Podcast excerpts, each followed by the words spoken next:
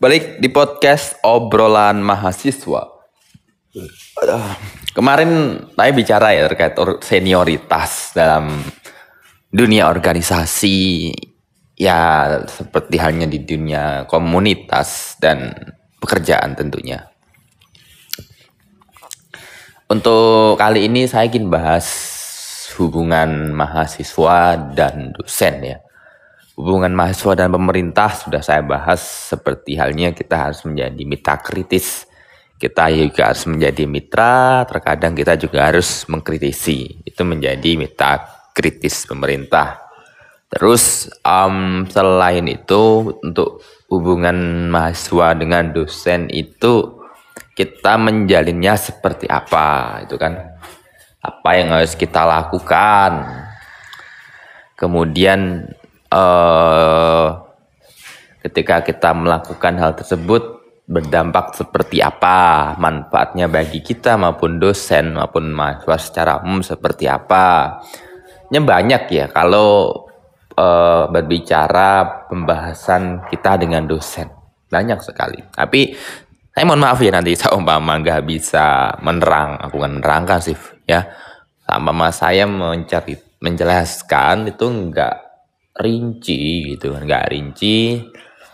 Mungkin ada beberapa bagian yang kurang jelas ataupun kurang lengkap apa yang saya bahas. Saya mohon maaf kalau seperti itu.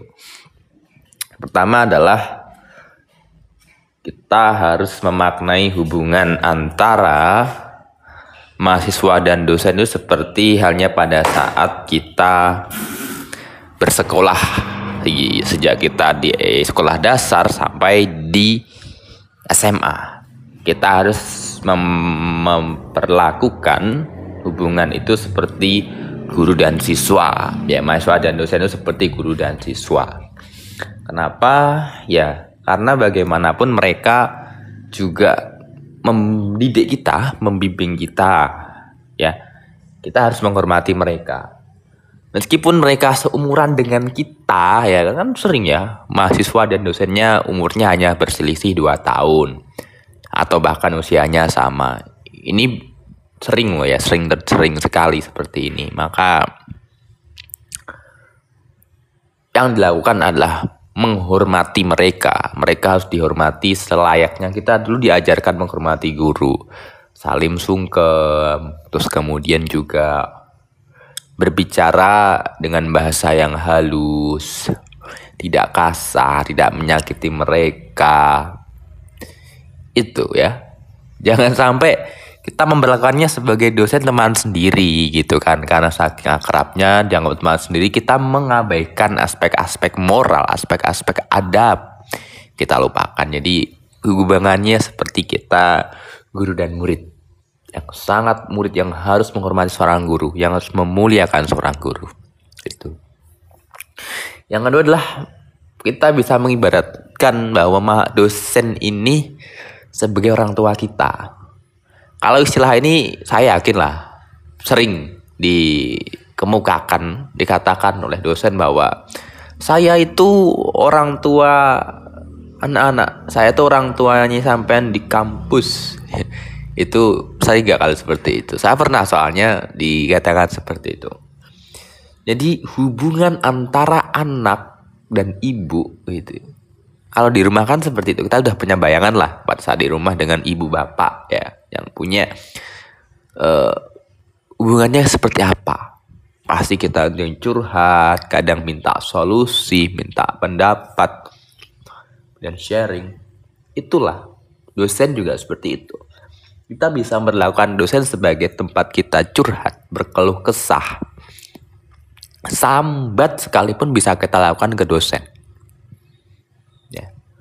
Syukur-syukur kita di apa ya bukan diberikan kita dipertemukan dengan dosen yang punya sifat bahasanya apa ya telaten telaten untuk mendidik mahasiswanya. Syukur-syukur kita dipertemukan dengan dosen yang seperti itu. Kita akan lebih mudah ya. Akan lebih mudah dalam berinteraksi bergaul dengan mereka. Kita nggak kesulitan saat berinteraksi dengan mereka. Akan lebih luas, lebih mudah, ya kan? Lebih luas, lebih mudah, lebih enak lah pada saat kita berinteraksi dengan mereka. Karena juga ibaratnya ini orang tua saya ini, ini orang tua saya, saya harus dekat, saya harus bagaimana? Intinya saya harus sharing kepada orang tua saya. Orang tua saya harus tahu, orang tua saya harus mengapresiasi, orang tua saya harus berikan pengarahan itu bisa dilakukan pada saat di kampus ya ketiga adalah memaknai hubungan mahasiswa dan dosen itu seperti rakyat dan pemerintah. Ini juga penting ya. Jadi ada saya menggambarkan seperti ini memang ada kalanya ya. Jadi ini adalah ada kalanya kita memposisikan hubungan dosen dan mahasiswa itu um, hubungan antara guru dan siswa, kemudian hubungan anak dan ibu, kemudian juga yang ini seperti halnya yaitu hubungan rakyat dan pemerintah ya. Ini juga penting. Kenapa rakyat dan pemerintah? Karena di dalam dunia kampus itu selalu diibaratkan dengan um, apa dunia akademik diibaratkan sebagai miniatur sebuah negara. Miniatur sebuah negara artinya ada sistem yang mengatur di dalam kampus dan sistem itu adalah produk dari kebijakan yang dikeluarkan oleh petinggi kampus. Sedangkan yang menjadi rakyat adalah para mahasiswa yang ada di dalamnya. Jadi para mahasiswa itu menjadi menjadi rakyat yang harus menjalankan kebijakan tersebut para dosen itu sebagai uh, pemegang kekuasaan. Dan kita tahu bahwa yang namanya pemerintah tidak selamanya membuat kebijakan yang benar. Tidak selamanya berpihak pada mahasiswa selaku rakyat. Benar kan? Oleh karena itu, di sinilah tempat mahasiswa untuk mengkritisi apabila ada kebijakan yang salah. Terus juga mendukung apa apabila ada kebijakan yang memang harus didukung karena benar. Maka hubungan ini juga penting. Di dalam kampus kalau kita hanya mengibaratkan guru dan siswa untuk seutuhnya tidak bisa. Ada kalanya guru dan siswa, ada kalanya bapak dan ibu, ada kalanya rakyat dan pemerintah. Ya. Jadi kita akan tahu kapan kita harus bersikap rakyat dan pemerintah, siswa dan guru, ayah dan ibu tahu. Di beberapa kamus demonstrasi di dalam kamus itu menjadi menjadi makanan ya. Saat dari rakyat ini merasa kecewa. Uang kuliah tunggalnya terlalu mahal SPP-nya terlalu mahal. Ada pungutan yang tidak jelas arahnya ke mana. Atau bahkan yang paling buruk mungkin ada tindak pidana korupsi dalam kampus yang itu me, apa, jumlahnya tidak sedikit. Kita perlu demo, malah aneh pada saat kita tidak melakukan demonstrasi. Hak kita tidak diberikan ya kita tidak kita terima sedangkan orang lain menggunakan kekuasaannya dengan semena-mena tidak ada batasnya. Ini bagaimana? Ya. Terus juga ada yang ketiga tadi ya. Yang keempat adalah memposisikan sebagai sahabat teman. Ya mirip itulah. Kenapa ini juga terkadang perlu dilakukan? Ya, kita tidak bisa menafikan lah ya.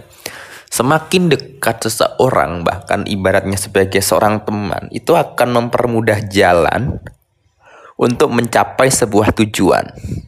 Nggak akan ada tuh istilahnya sungkan-sungkanan, nggak ada istilahnya nanti apa malu, nggak akan ada lagi istilahnya minder, nggak akan ada lagi istilahnya tidak membaur ah, karena tidak akrab, nggak ada lagi karena sekat-sekat itu sudah hilang akibat keakraban yang sudah terbangun, komunikasi yang terjalin dengan baik, uh, banyak lah, ya.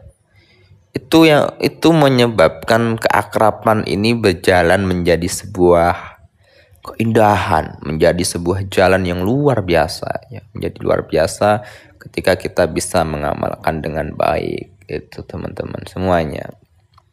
Uh, itu loh ya. Gini tuh teman-teman ya oh, gini nih pastilah pada saat nanti hubungan kita dekat ya teman dengan teman tugas bisa ditolerir bisa jadi kegiatan-kegiatan penelitian bisa dibantu misalnya seperti itu itu contohnya. Oke sampai jumpa di episode selanjutnya ya. Bye bye